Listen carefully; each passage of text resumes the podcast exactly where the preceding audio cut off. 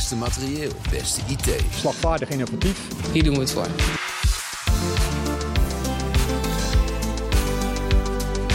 Streef naar het beste. Dat het veilig is en dat dat eh, betrouwbaar is. Militairen moeten onder alle omstandigheden kunnen vertrouwen op het materieel en IT waar ze mee werken. Het commando, materieel en IT zorgt daarvoor. Met een mix van militairen en burgers voorziet dit commando in wat nodig is. Van gevechtslaars tot geavanceerde wapensystemen. Het levert daarmee een bijdrage aan de slagkracht van de krijgsmacht. Mijn naam is Ronald Vossenstein, recruitment adviseur en je luistert naar de vacature podcast van het commando Materieel en IT. In deze podcastserie praten we bij over de vetste banen binnen ons commando. Kijk, en in een van deze banen, die, eh, die valt binnen de directie projecten. Eh, en ook daarvoor eh, sluiten eh, drie mensen aan, waarvan eerst twee andere collega's aan het woord komen. Dat zijn Bas Blok en Laura Ballemans. Ehm, nou ja, Bas Blok, jij bent de eh, sectiehoofd eh, Integrated Logistics Support. Je mag dat straks gaan toelichten. En Laura Ballemans, jij bent junior manager Integrated Logistics Support. Maar misschien is het handig dat jullie jezelf even introduceren. Dan wil ik bij jou beginnen, Bas. Ja, ik ben Bas Blok. Ik ben eh, vader van vier zonen, maar ik werk bij Defensie, bij directie projecten. En ik ben daar sectiehoofd eh, Integrated Logistics Support, ILS. Kijk, En ik wil graag straks toelichten wat het is, want het is best wel een verwarrende kreet. nou, we gaan er zeker even aandacht aan geven, want eh, ik- deel die mening met jou. Laura, Eh, Laura Ballemans. Ik werk nu eh, twee jaar bij Defensie. En ik eh, ben junior Integrated Logistics Support. kijk. Eh, welkom beiden. Nou ja, straks eh, schuift uh, Ranier nog even aan. Dat is natuurlijk niet geheel onbelangrijk. Ik zal ook straks even toelichten waarom dat is. Nou, dat kan ik eigenlijk wel meteen wel doen. Omdat, eh, eh, Laura, jij kan natuurlijk niet vanwege de inhoud van jouw functie alles vertellen. Eh, dat kan Ranier meer. Eh, dus vandaar dat we ook natuurlijk ook meer willen weten. En dat is ook de reden waarom Ranier straks aansluit.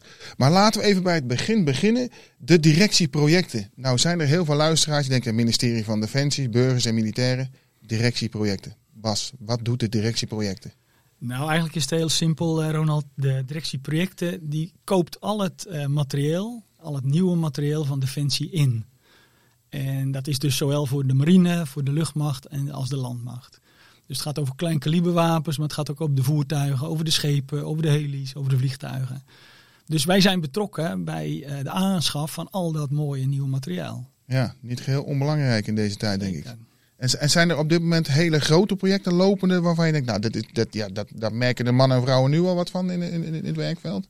Ehm, ja, we zijn bezig met eh, moderniseren van de Apache-helikopters.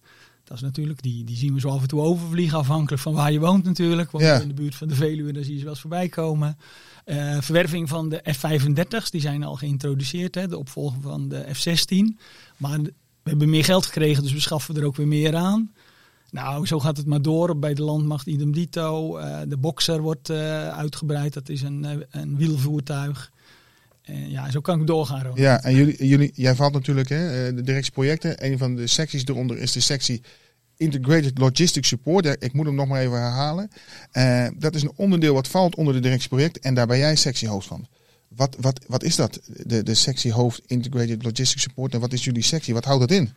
Ja, het sectiehoofd, eh, eigenlijk wij bestaan uit iets meer dan 40 eh, medewerkers, managers ILS noemen we dat. Ja, en eh, ik ben eigenlijk zeg maar het hoofdje van een uitzendbureau, want al onze mensen worden toegekend aan de projecten. Ja, Dus ze participeren allemaal bij die aanschaf.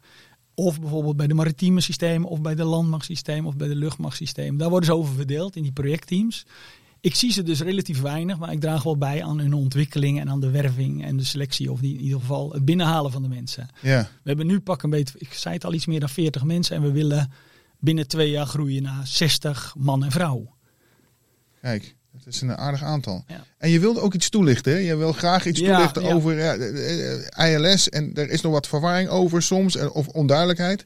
Misschien kan jij daar wat duidelijkheid in verschaffen. Ja, officieel heet de vacature manager ILS, hè, dus Integrated Logistics Support. En Ja. dat, is, dat is best wel verwarrend, want dat is een defensiekreet. En de mensen van buiten die weten eigenlijk niet wat dat precies is. En je ziet dan bijvoorbeeld bij vacatures, dat zeker bij de juniors, dat we heel veel mensen uit het logistieke domein eh, tegenkomen. Hè, dus die bij in warehouses, distributiecentra hebben gewerkt. Ja. En het is, bij ons is het eigenlijk echt een technische functie. En ga- Ja, je zou het kunnen vergelijken met asset management. Dus wat wij doen, we zijn bij de aanschaf en bij de introductie van dat nieuwe materieel waar we het Ja. over hebben, zijn we betrokken om het onderhoud goed in te richten. Oh, en die term asset management, dat is wel een term Ja, die in de ja. buitenwereld, zeg maar even buiten Defensie, wel Ja, ja. herkenbaar moet zijn. Asset management is eigenlijk het lifecycle management. Hè, van je, je koopt, je, je ontwerpt iets, je schaft het aan en je neemt het in gebruik en je stoot het op een gegeven moment af. En die hele levenscyclus, dat doen we binnen de Defensie, dat is, dat is een beetje opgesplitst. En wij zitten helemaal in het begin van de lifecycle management fase. Dus wij richten het onderhoud in, inclusief de trainingen en de reservedelen. Nou, daar gaan we het zo over hebben, hè, voordat we op de inhoud gaan zitten. Eh Laura, ik kijk even naar links. Jij bent een medewerker, die valt denk ik onder eh, de leiding, bezielende van Bas. Hoe is dat? Klopt. Ehm, goed, leuk. Ja. Eh, we krijgen veel mogelijkheden om ons te ontwikkelen. Dus eh, we krijgen de mogelijkheid om cursussen te doen. Maar we hebben ook een eh pooloverleg waar we met alle ILS'ers eh samenkomen. En waar we dus eh, van elkaar kunnen leren. Dus Ja, want jullie afdelingen, jij bent, eh, je hebt de junior, je hebt de medior en de senior eilen. En jij bent junior eiles. Jij komt denk ik net van buiten Defensie of waar kom je? Ja, klopt. Ik, heb, ehm, ik werk nu twee jaar bij Defensie. Ja. En daarvoor ben ik, was het helemaal nieuw voor mij. En dan val je inderdaad onder een, een senior ILS'er, zodat je het vak kan leren. En uiteindelijk kan je dan doorgroeien. En hoe is dat als buitenstaander in één keer in de wereld van Defensie te komen? Heel bijzonder. Ja, wat Ehm, maakt het voor jou bijzonder? Eh, ontzettend veel. eh, eh, ten eerste afkortingen. Ja, daar hebben we het ehm, toevallig gisteren over gehad. Iets van 334 kantjes of zo, dat kwam ook ergens naar voren. Oh ja, nee, dan ken ik ze nog niet allemaal. Oké. Eh, maar eh, vooral de, de combinatie werken met militairen en burgers vind ik ehm, eh, heel uniek. Je krijgt echt een inzicht in hoe eh, militairen werken. En je zit heel dicht op, eh, op het materieel. ja, jij bent natuurlijk eh, junior. Word jij begeleid binnen jouw team of hoe, waar, hoe, moet ik, hoe, hoe werkt dat? Ja, zeker. Ik ehm, eh, word begeleid door mijn senior. En ik zit ook met een medior in het project. Dus ehm, ik kan bij hen terecht voor vragen. Maar ik krijg ook gewoon mijn eigen projectjes binnen het project. Ja, en om, de, om op die manier te ontwikkelen. kijk. Eh, Bas, nou zit, ik in één keer te denken. Hè? We hebben natuurlijk eh, we hebben veel meer geld erbij gekregen binnen de, de, binnen de krijgsmacht, binnen Defensie. Eh levert dat veel meer werk voor jou op? Of, want ik neem aan, meer spullen, meer werk voor jouw sectie. Ja, in principe is dat ook zo. Dus da- daarom gaf ik al aan, we zoeken nieuwe mensen. We Ja. zoeken meer mensen en dat is over, ja, eigenlijk over, voor alle projecten. Hè. Dus we zoeken ook extra projectmanagers, we zoeken extra systeemintegratoren. Dat zijn de echte techneuten. En ILS'ers, zoals wij. Ja, Nou ja, wat ik al zei, hè, bijvoorbeeld we kopen eh, meer eh, F-35's. eh, er wordt meer gemoderniseerd. Er wordt zelfs ook wat voor de Oekraïne aangeschaft in samenwerking met de Duitsers. Dus er gebeurt van alles. Dus we zijn echt groeiende. ja. En, en, en hoe groeiende zijn jullie, Bas? Hoeveel mensen gaan wij nodig hebben aankomende jaar? Ik denk, dus er zal waarschijnlijk een roadmap zijn die jullie ook moeten hebben. Hè? Want we gaan Ja. groeien. En hoeveel mensen gaan we, moeten we... Op het ILS-domein, hè, zeg maar, dus zeg maar de asset managers, Ja. hè, dat eh, bij ons, dat, eh, wij gaan van 40 naar 60, meer dan 60 à 70, zeg maar. Ja. Dus bijna verdubbeling. Ja, In ieder geval dik anderhalf eh, keer zoveel. en is het nou, je zegt al, het is vrij lastig te krijgen. Hè? Net Met name omdat wij natuurlijk ook de naam ILS niet goed bekend is binnen of buiten de defensieorganisatie. Ehm, wat, wat, wat kunnen we doen om dat nog te verduidelijken? Want je geeft het een paar keer aan. Is er iets, zijn, jullie, zijn we druk bezig om ook mensen van buiten te halen om duidelijk te maken wat we doen? Of hoe, hoe, hoe doe je dat al nu, zeg maar? Hoe ga jij ervoor zorgen dat wij voldoende mensen ILS'ers binnenkrijgen? Hoe doen jullie dat nu? Nou, ik denk dat jij een mooie voorzet hebt gegeven, Ronald, door deze podcast. Ja. Dus wij hebben de gelegenheid om uit te leggen wat eh ILS er nou is. Hè? Ja, laat ik maar weer zeggen, eigenlijk de asset manager. Want asset management, dat is wel een begrip in de, in de, in de vastgoedwereld, maar met name ook in de industrie. Ik, voor, ik ben in 2015 bij Defensie gekomen. Ik heb daarvoor altijd in de industrie gezeten. Petrochemie en energieopwekking. En Daar, ja, het beheer van je assets, van je productiefaciliteit, dat, heet asset management. ja, En dat is wat wij doen. En onze AILS'ers in de projecten, dan is de focus op de aanschaf en de introductie van het wapensysteem en het onderhoudsplannen bij de eenheden. Kijk. En daarna heb je natuurlijk nog jaren dat we er gebruik van maken, maar dan doen die eenheden zelf dat onderhoud of Ja. ze besteden het uit. Kijk. En, en La- Laura, jij bent natuurlijk van buiten Defensie gekomen. Hoe, hoe was jij zo op deze functie terechtgekomen? Had je de vacature gezien? Was het voor jou meteen voor jou duidelijk dat je dacht, nee, dit wil ik gaan doen? Defensie heeft me altijd getrokken. Ik vond het heel interessant. Eh, maar ik ben binnengekomen als projectondersteuner. En ehm, al heel snel kwam ik in aanraking met het eh, ILS-vakgebied. Ja, En dat trok mij zo dat ik eh, ja, ben geswitcht. En ik ben heel blij voor die kans dat dat ook mogelijk was. En eh, ja, heel happy op deze plek. kijk. Nou, laten we vooral eens even gaan kijken naar de inhoud van de functie. Hè. Laten we eens kijken, wat doet nou echt daadwerkelijk een manager ILS, of het nou junior is. En daar wil ik vragen of, we of Ranier kan aansluiten. Eh, Bas, dan ga ik zo even straks met jou verder. Maar dan wil ik graag even eh, kijken naar de inhoud van de functie.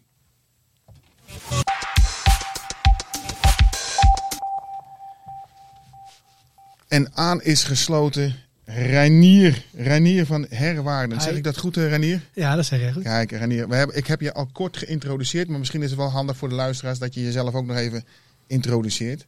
Ja, dus ik eh, ben Renier van Herwaarden. Eh, ik werk nu vier jaar voor de directie projecten als manager ILS. En daarvoor was ik negen jaar militair.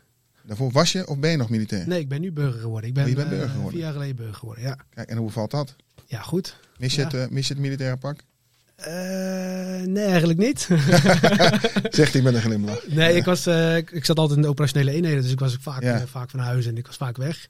En wilde graag aan een gezin beginnen. Ja, En ik had mijn bachelor afgerond, die ik in deeltijd had gedaan.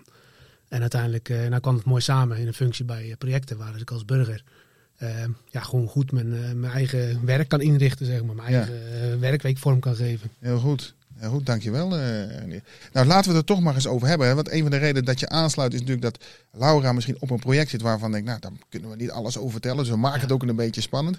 Maar ja, laten we maar eens even beginnen. Eh, eh, Laura, bij jou. Want jij bent junior manager Integrated Logistics Support. Ik moet het nog maar een keer herhalen. Asset manager, misschien moet ik dat beter zeggen.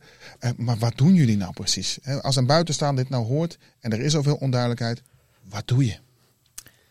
Het wordt ook wel eens op verjaardagen gevraagd, dus ik Ja. heb kunnen oefenen. Heel Ehm, goed. eh, als er nieuw materieel aangeschaft wordt, dan noemen wij dat ook wel het missiesysteem.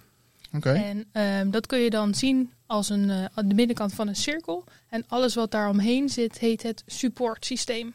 En daar ben je als manager Integrated Logistics Support verantwoordelijk voor.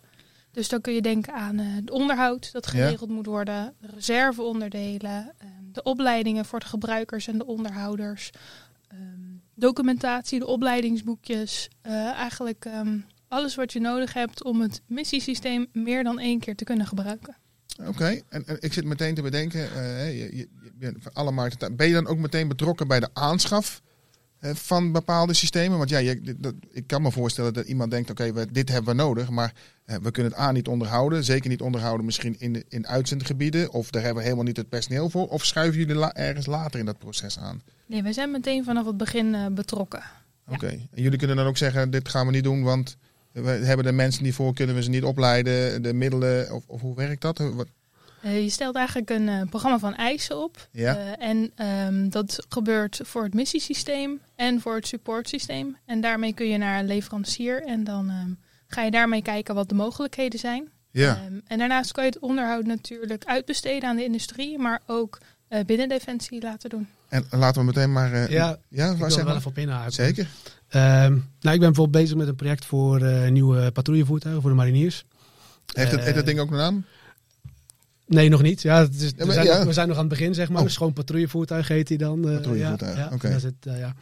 En daarmee gaan we dan, zeg maar, eh, samen met de gebruiker, dus de toekomstige gebruiker, die mariniers, gaan we kijken van jongens, jullie hebben een idee bij hoe dat voertuig wil gaan gebruiken. Vertel eens, laat eens zien. neem ons eens mee naar de plek waar je dat doet. Hè, Noorwegen, noem het maar op. En dan gaan we samen met die, met die gebruiker kijken van... Oké, dus jullie willen, nou in dit geval een x aantal dagen, laten we zeggen vijf... willen ze daar eh, continu mee opereren in zo'n gebied. Omdat nou ja, dat, die mariniers zijn zo specialistisch, zeg maar. Dan, die willen vijf dagen onafhankelijk van Ja. iets of iemand met zo'n voertuig kunnen rijden. En dan als manager ILS kijk ik daarnaar, spreek ik met die mensen en uiteindelijk verwerk ik hun eisen eigenlijk. Verwerk ik in een, nou ja, wat voor mailer programma van eisen. En dat wordt samen met de projectleider, technisch, eh, technische manager en met de inkoper, maken we daar een compleet pakket van. En daarmee gaan we dan de markt op. Ja, ik kan me voorstellen dat als je marinier bent en je denkt, hé, we gaan een, een nieuw eh, verkenningsvoertuig of een nieuw voertuig, dan moet natuurlijk de, de vetste banden moeten erop Ja, zitten. ja. Het grootste en zwaarste wapensysteem natuurlijk. En dan komen jullie om de hoek. Hoe gaan ze daarop reageren als jullie zeggen, nou dat is niet haalbaar? Ja, dat is natuurlijk altijd een mooi, eh, mooi spel wat je Ja. krijgt. Hè. Aan de ene kant hebben wij als projectenafdeling krijgen wij gewoon een opdracht vanuit Den Haag en een zak met geld. Van joh, luister, dit moeten jullie gaan kopen Ja, op hele grote lijnen. En dan, is- dan is het aan ons om dat, nou ja, die grote opdracht te vertalen naar praktisch, haalbaar materiaal. ja, en dat, daar zit natuurlijk altijd wat, eh, wat frictie in, zeg maar. En dat, dat proberen we natuurlijk met de toekomstige gebruiker alvast uit te, uit te strijken. ja, maar dat eh, doen jullie voor alle operationele eenheden, of alle opkomst moet ik eerlijk zeggen, voor de landmacht, luchtmacht, marine en de marechaussee? Ja, dus eh, voor heel de fans eigenlijk, ja. Heel defensie. Oh, dat is nog aardig wat. Ja. En zijn er speciale projecten? Ik, ik weet, Laura, jij kan daar niet heel veel over vertellen, maar is er een project waar je nu mee bezig bent, waarvan je zegt, nou hier word ik heel vrolijk van. Dat is echt, ja, dat is mijn geestenkindje. Ehm, ja, we hebben natuurlijk eh, meerdere ILS'ers hebben Ja. mee te maken dat je niet per se echt vert- kan vertellen waar je mee bezig bent. Ja, Ehm, wat, waar ik in het begin mee bezig ben geweest, dat was heel gaaf. Dan, ehm, ik zit in het maritieme gedeelte, ja, eh, dat je gaat kijken naar de haven. Ehm, we komen straks nieuwe eh, schepen aan. Dus we zijn met verschillende vervangingsprojecten bezig. Passen die straks allemaal in de haven? Hoe zitten we met de kade? Is de pier nog sterk genoeg? Hoe zitten we met de dok? Hoe zitten we met de trainingsfaciliteiten? Past dat allemaal nog in de huidige? Ehm, dus eh, qua infrastructuur en faciliteiten, dat is wel... eh, ja, dat, eh, mijn hart wordt daar wel heel blij van. kijk, ja, het is natuurlijk. en ik- voor jou, eh Renier, jij bent natuurlijk, hè, jij zegt, eh, ik ben met, de, met vooral de, de- op dit moment het, het Corpus Mariniers eh, ben je bezig. Ja. Ehm, ik kan me voorstellen dat er heel veel projecten op jullie bordje komen. Wie gaat prioriteren in die projecten? Want ja, we willen allemaal nieuwe spullen. We hebben allemaal geld. We vinden allemaal dat we moeten groeien. We moeten allemaal met de juiste middelen en de juiste IT de dingen doen. Wie gaat bepalen wie er voorrang krijgt? Nou, uiteindelijk is dat iets wat, eh, wat Bas zo meteen denk ik eh, wat, wat meer kan na toelichten. Maar wij, eh, onze capaciteit wordt ingedeeld door Bas. Die, die, die plant, zoals hij dat net al zei, zijn eigen uitzendbureau natuurlijk. Ja, En hij deelt capaciteit toe aan projecten. En als er echt een prio- prioriteit ligt op een project, ik raketartillerie benoem ik bijvoorbeeld, ja, dan, komt daar, dan wordt daar, daar wordt er over vergaderd. en dan komt daar iemand en dan krijg je een, oké. ja, dan Ja. afhankelijk van je eigen voorkeur. Je hebt ook wel, je hebt zelf ook wat inspraak natuurlijk. Als je zelf affiniteit hebt met, met, met wielvoertuigen, met rupsvoertuigen, ja, dan kun je natuurlijk wel eh, aangeven en dan kun je altijd, eh, nou ja, op zo'n project Ja. bijvoorbeeld eh geallockeerd En worden. dan heb je dat de junior, de medior en de senior. dan. Ja. Waar zitten de verschillen? Ja, Want dat willen mensen graag weten natuurlijk. Eh, Waarschijnlijk in salaris. Maar wanneer kan Laura, wanneer word jij bijvoorbeeld een medior? Wat moet je daarvoor doen? Wanneer word je van een junior een medior en van een medior een senior? Is dat in eh, een aantal projecten wat je moet hebben gedraaid? De grootte van de projecten? Of wat, wat is het? Nou, zoals ik, ik ben binnengekomen als junior. Ja. Ehm, en ik nam, een, ik nam een aantal projecten over van, een, eh, van iemand anders, van een andere ILS, van een, van een media ILS manager. Ja, op een gegeven moment eh, draaide ik die, pro, die projecten zelfstandig en naar behoren. En toen ben ik eigenlijk na anderhalf jaar ben ik eh, media geworden. En dan eh, komt er een salarisschaal bij. Ja, dat kun je terugvinden dan, zeg maar, in Ja. de. Ja, Eh, om uiteindelijk senior te worden. Ehm, ja, da- da- daar zijn we op dit moment volop mee aan ontwikkeling. Ik zit toevallig ook in een werkgroep om dat eh, te bespreken. ja, Maar het is wel om en nabij vier, vijf jaar ervaring. En een, en een ja, je- onderscheidende kennis in een, bepaald, een specifiek vakgebied. Kijk, ILS is heel breed hè, binnen onze Mhm. directie. Maar als jij onderscheidende kennis hebt binnen bijvoorbeeld ehm, documentatie... en dan heel specifiek over elektronische documentatie... of je hebt heel veel kennis over hoe je onderhoudsstrategieën opzet... dan, dan zijn dat seniorwaardige onderwerpen. Dan kun je daarop kun je senior eh, worden. ja. Oké. En, en als nou mensen van buiten luisteren en die denken, nou ja, en dat integrated logistic support, dat lijkt me hartstikke leuk, hè? Want je komt nog eens een keer ergens op de wereld, hè? Want uh, ik jou het verhaal van jou net eraan hier. Ehm, ja, wat voor type persoon moet ik zijn om in aanmerking te komen voor een functie van ILS manager? Manager ILS moet ik zeggen, want anders kijk ik kijk Bas nu even aan, manager ILS, dan zeg ik het verkeerd. Maar wat voor type persoon moet ik zijn, Laura? Ja, toch wel je eigen project kunnen managen. Dus je bent wel projectleider van het uh, onderdeel Integrated Logistics Support. Oké. Okay. Dus um, echt wel een, een, team om je heen verzamelen. Want je kan het natuurlijk niet alleen. Dus je hebt de gebruiker nodig, uh, de potentiële onderhouder. Uh, we hebben verschillende bureaus met uh, expertise. Uh, dus eigenlijk ben je een project in een project aan het doen. Oké. Okay. En zoeken jullie dan uh, het liefst uh, bijvoorbeeld ex-militairen? Hè, bijvoorbeeld de types zoals Reinier die met een, een, militaire achtergrond en ervaring binnenkomt? Of kan het iemand zijn zoals jij binnenkomt Laura van heel veel ervaring, heel enthousiast en zegt nou, er gaan heel veel doorgroeimogelijkheden. Ik zie jou, jij wilde reageren. Ja, zeker. Ja, nee, ik denk dat eh, wat Laura volgens mij aan het begin ook al aangaf, eh, die mix van militair en burger, dat is, dat is juist een heel sterk team. Ik merk zelf ook, de projecten hebben best wel een lange doorlooptijd. Gewoon omdat het, die, je moet door best wel veel beslissingen heen, zeg maar. Het is niet bureaucratisch of iets, maar de doorlooptijd zijn gewoon lang. Zeker ook omdat je over materieel praat wat gewoon een lange besteltijd kent bijvoorbeeld. Ja, Ehm, dan zie je dat, dat, dat de, onze burgers, die, die, die blijven vaak vier, vijf jaar wel op, op een functie zitten. En dat, dat geeft een stukje stabiliteit aan de organisatie. Ehm, daarnaast wat we ook zien in onze projectenomgeving is, we hebben superveel jonge mensen, superveel jonge mannen en vrouwen. Ehm, heel veel mensen die een eerste functie gaan draaien. ja. Eh, ook omdat ze gewoon een functie zoeken met een stukje zingeving. Eh, ja, een belangrijke functie eigenlijk. En die, die, ja, dat vind je bij ons echt wel. eh, in die Al met al een hele mooie baan en met veel doorgroeimogelijkheden. Ja, ontzettend veel. Ja, Kijk. studeermogelijkheden, alles. Zo ja. is het. Ehm, we gaan even naar het volgende blok. en dan gaan we kijken of we. Wil ik jou vast bedanken, Laura. En dan wil ik vragen, Bas, om, om weer aan te sluiten. Want dan gaan we even kijken naar eh, de impact.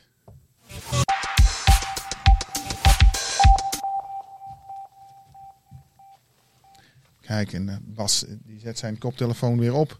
Kijk, Bas, voordat we straks verder gaan, ik heb nog een speciale vraag voor jou. Die komt vanuit een andere podcast van Chris. Die gaat jou een vraag stellen. En de vraag is of je antwoord wil geven op deze vraag. Ja, wij zijn benieuwd wat de impact is van internationale samenwerking op jullie eh nou, baan als ILS-manager. We horen natuurlijk eh, de overheid vaak zeggen dat internationale samenwerking, dat we daarop in moeten zetten. Maar we kunnen ons voorstellen ja, dat die complexiteit voor jullie er steeds groter wordt. En ben benieuwd wat eh, daar de precieze impact van is op jullie eh, werk. Nou, dat is een hele mooie vraag. Ook niet eens zo'n makkelijke vraag, moet ik zeggen.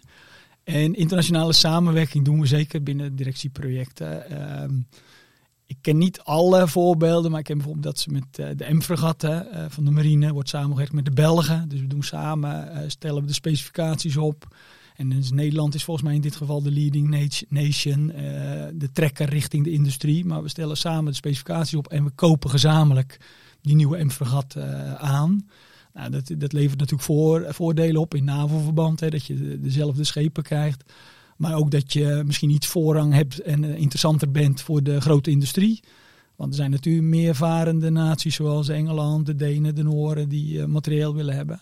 Dus dat, dat zijn twee voorbeelden. Ik weet ook dat we op de landmacht heel veel samengewerkt wordt, wordt met de Denen en de Duitsers. In ieder geval in, het consortium met, eh, voor de nieuwe Boxer, de panzervoertuigen.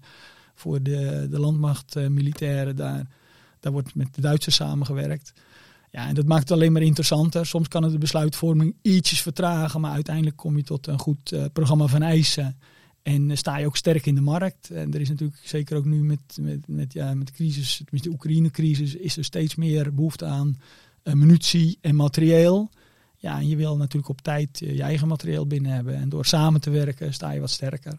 En ik denk ook het NAVO-verband is belangrijk dat we dezelfde voertuigen of schepen hebben. Waar de uitwissel, uitwisselbaarheid van data goed is. Oké, dankjewel eh, Bas. Dan gaan we nu naar het kopje impact. Ehm, ja, Bas, we hebben natuurlijk een heel mooi verhaal gehoord van eh Reinier en eh, van Laura. Ik zag je al een duimpje geven van dat heeft Laura heel goed gedaan.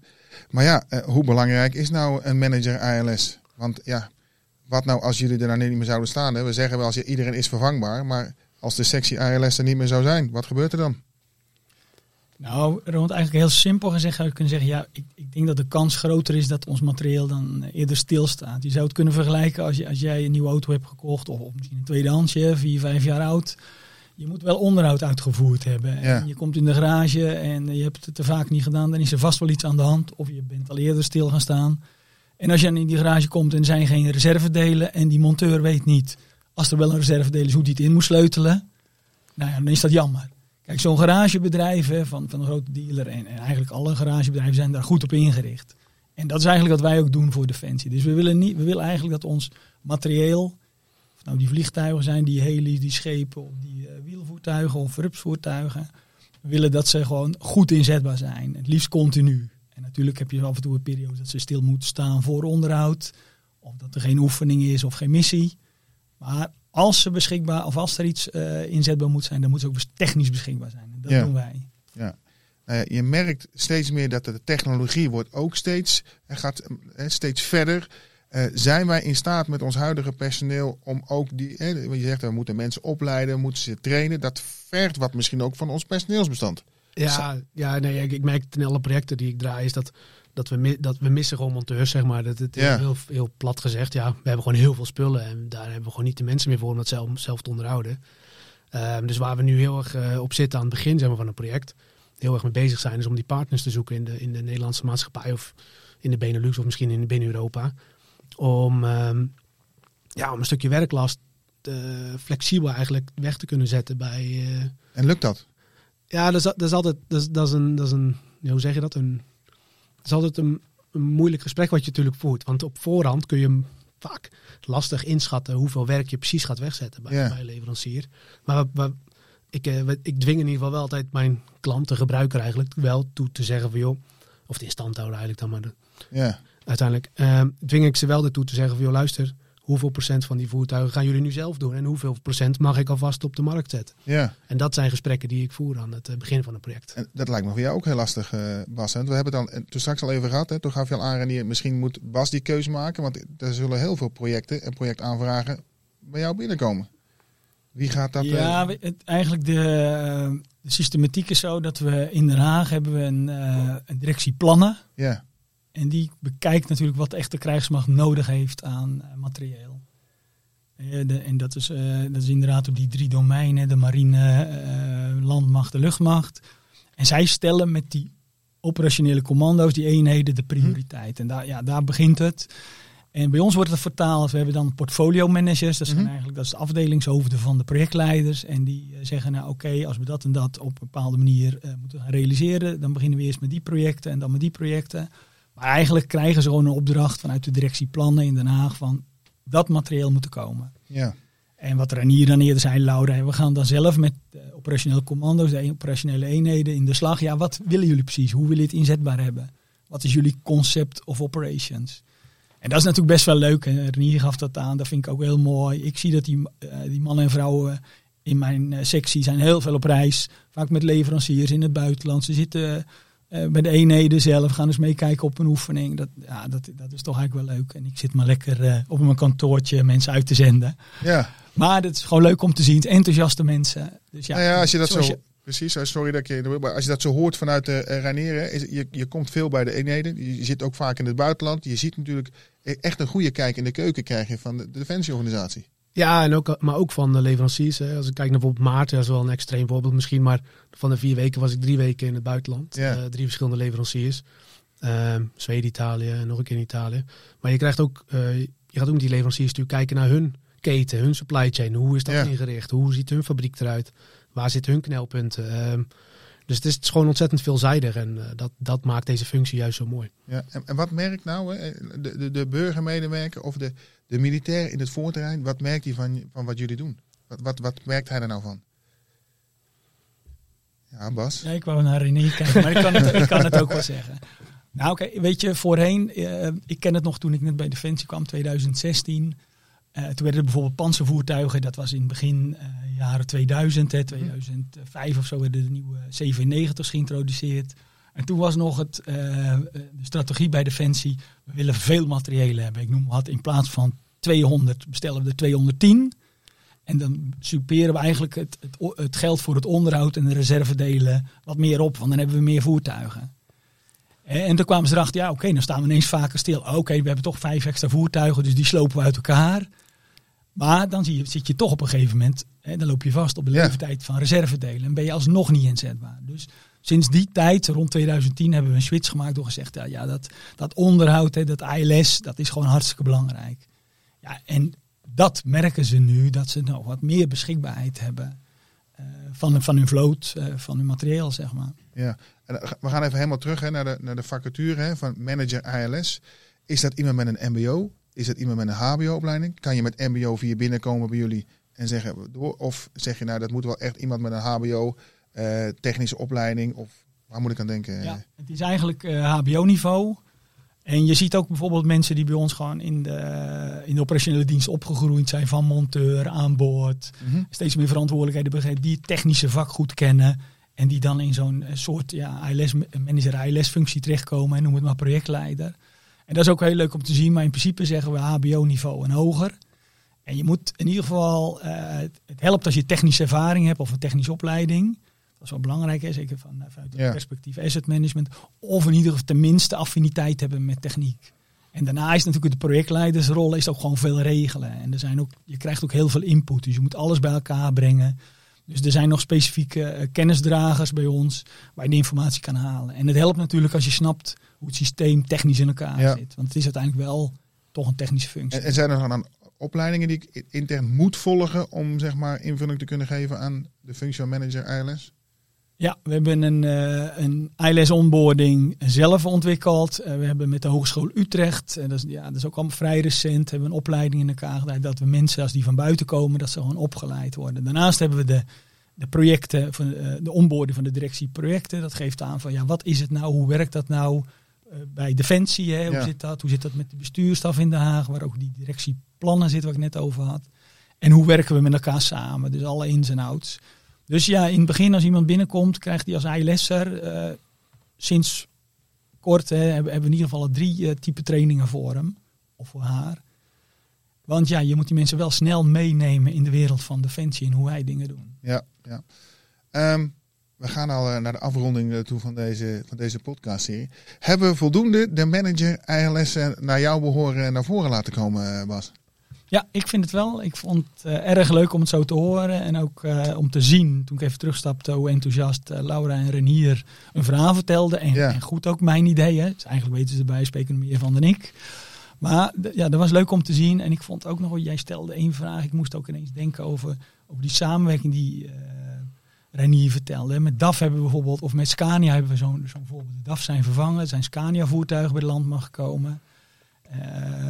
Nou, daar hebben we gewoon gezegd van, oké, we doen het samen met Scania. Die leveren monteurs en wij leveren monteurs. En we doen het werk onder leiding van de monteurs hè, van Defensie. In de eh, garages van Defensie, maar onder leiding van de Scania-monteurs. Dus dan zie je echt een samenwerking. Eigenlijk hebben we het daar uitbesteed, maar we doen zelf mee. Nou, dat zijn hele leuke, dat hebben ILS-managers ingericht. En met de projectleider. Dus dat, ja, dat zijn hele leuke dingen. Vind ik zelf. Maar dan hoor je mijn persoonlijke mening. Al met al, samenvattend, is het gewoon een hele interessante functie binnen een hele mooie directie. Eh, waarvan je heel veel gaat zien. Waar mensen eigenlijk, als ze denken, van, nou, ik luister deze podcast, is enthousiast van zouden kunnen worden. En vooral het onderzoekers moeten gaan plegen om te kijken of ze manager ILS, die functie, of ze, of ze dat ambiëren. Nou, daar wil ik graag aan iedereen oproep doen, want jij hebt natuurlijk heel veel mensen nodig, eh, Bas. Ja. Dus, eh, dus dank daarvoor. Dank eh, Laura. Eh, dank eh, Reinier. Ja. Eh, dank Bas. En dan wil ik jullie graag bedanken voor, eh, voor deze podcast.